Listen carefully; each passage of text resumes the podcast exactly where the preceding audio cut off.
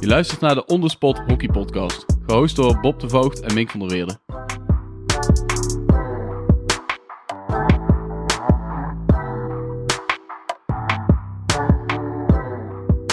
Welkom bij Stick It To, de spin-off aflevering van de Onderspot Hockey Podcast, waarin we onze gasten aan de hand van een paar korte vragen beter willen leren kennen.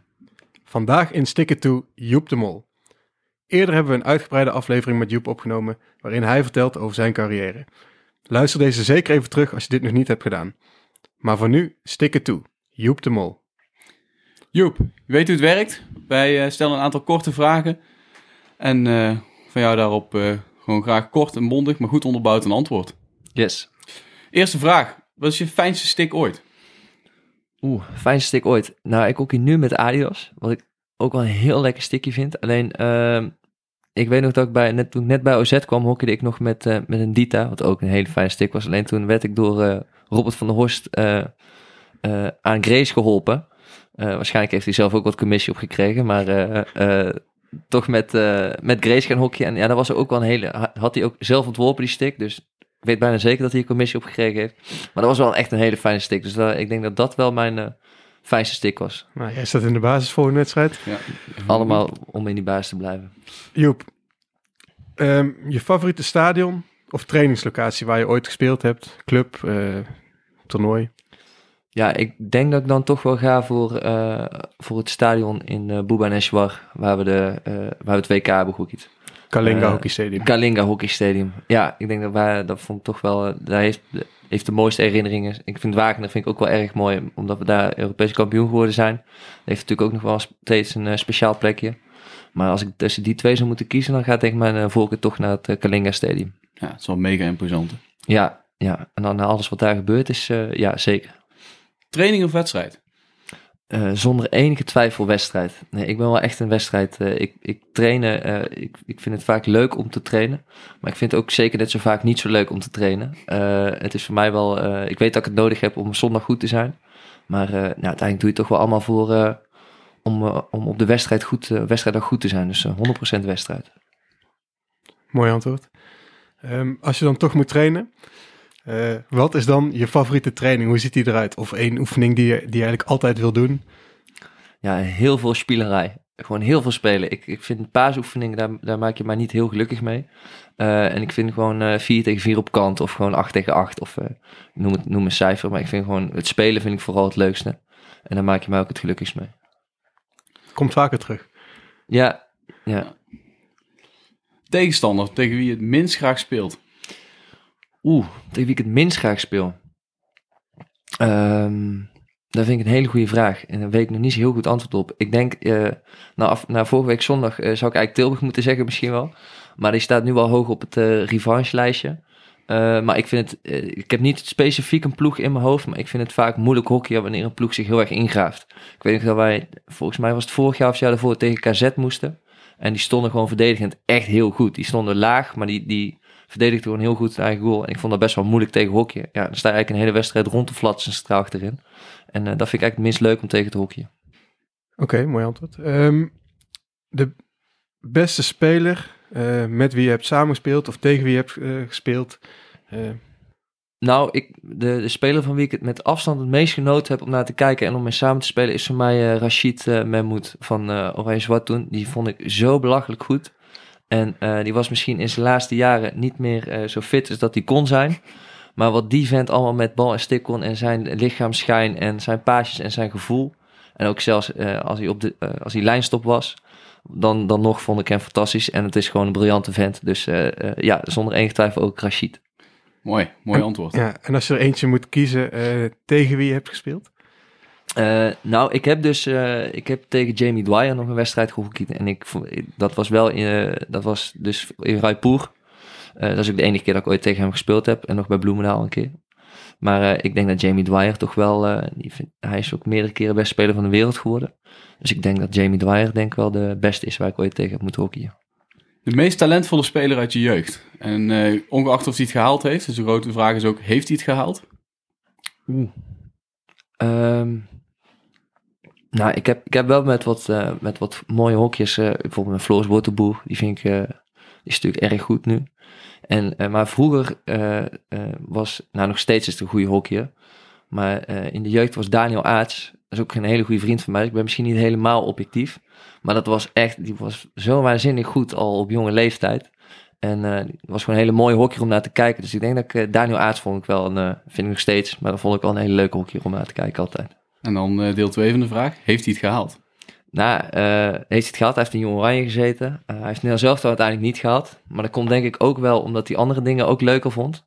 Ehm, en eh, ja, hij hockeyt nu bij een bos en hij gaat naar Pinoquet. Dus in de hoofdklasse. Dus in zekere zin wel. Maar hij heeft niet, eh, niet uiteindelijk Nederlands zelf te gaan. Maar ik weet ook niet of dat altijd zijn ambitie geweest is. Ja. Ehm, volgende vraag. Niet de beste eh, persoon met wie je gespeeld hebt, maar de meest bijzondere persoon met wie je gespeeld hebt. De meest Dus bijzondere misschien persoon iemand ik eh, gespeeld wat, minder hockey gerelateerd kan. Ehm, nou, ik vind, ik vind ik, of je hem bijzonder... Nou, ik vind Mark Rijkers, dat vind ik toch wel echt een cultheld. En het is gewoon een van mijn beste vrienden. Ehm, Mark is, denk ik, lijkt in geen enkele zin, misschien alleen kleur haar, lijkt hij op mij. Eh, die is, ik ben mega impulsief en Rijkers is heel bedacht. Eh, eh, ik heb een gat in mijn hand als het gaat om geld. En Rijkers zit, eh, gierig zou ik hem niet willen noemen, maar die let wel goed op zijn centen. Doen wij het?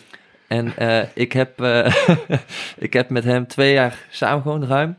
Ja, en toch wel veel met hem zeg maar meegemaakt in positieve, leuke zin. En eh, ja, het is toch uiteindelijk een van mijn beste vrienden geworden. Dus eh, ja, ik ben wel heel dankbaar dat ik hem, en dus ook bijzonder dat ik met hem in het team heb mogen hockeyen. En hem heb leren kennen. En dan gaat je verlaten.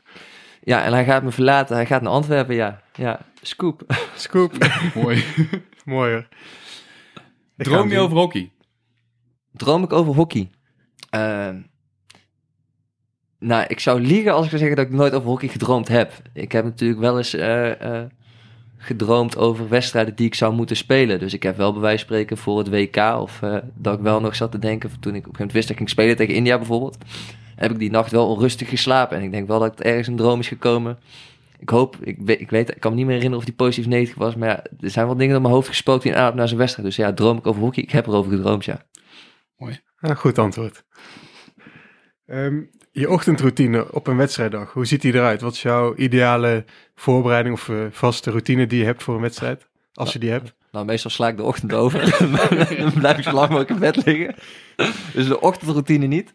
Eh, nee, ja, eh, zoals ik net al zei, ik ben best wel een impulsieve jongen. En routine is iets wat eh, veelal in mijn leven ontbreekt. Eh, behalve dan zeg maar het op vaste tijden trainen en dergelijke. Ik vind het ook wel lekker om van dag tot dag heel erg te leven.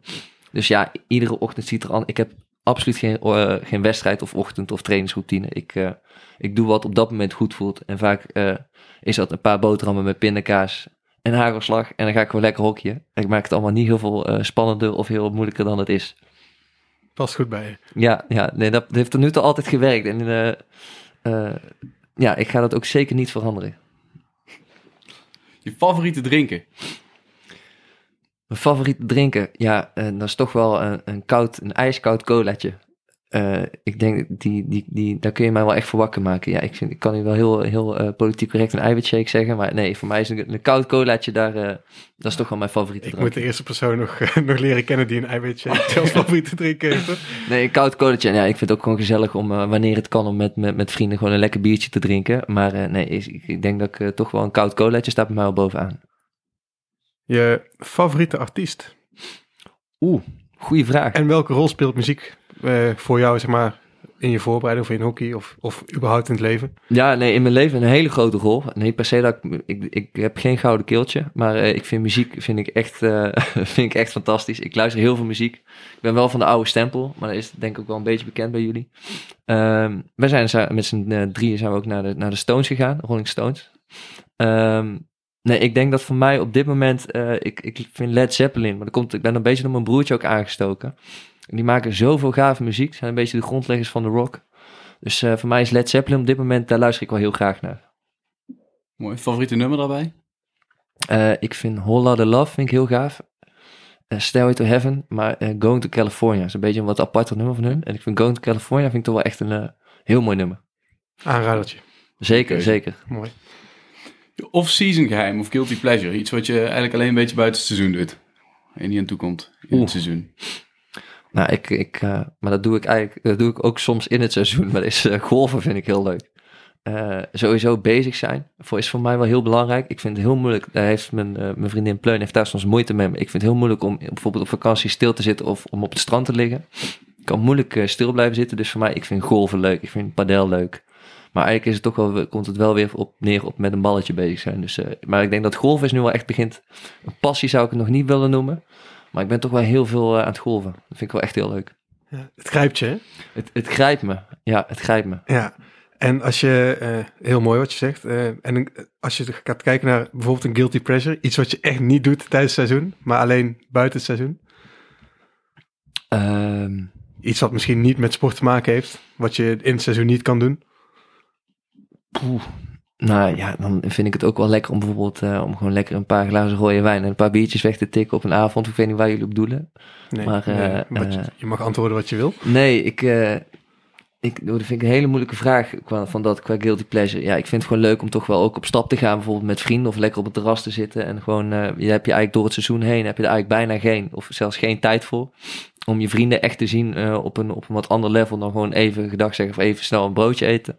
Dus dan vind ik het ook wel leuk om bijvoorbeeld met mijn vrienden een keer gewoon op stap te gaan of een keer even juist wel alles los te laten. En gewoon zo eens denken van ja, nou, eh, het maakt me nu niet uit of ik morgen of overmorgen fit moet zijn. Dan ben je dan even eh, bijvoorbeeld drie weken vakantie hebt. Dus ik denk dan lekker met mijn vrienden een keer op stap gaan, een biertje drinken of zo. Dat is denk ik wel een guilty pleasure voor mij. Ja, toch wel. Niet verkeerd.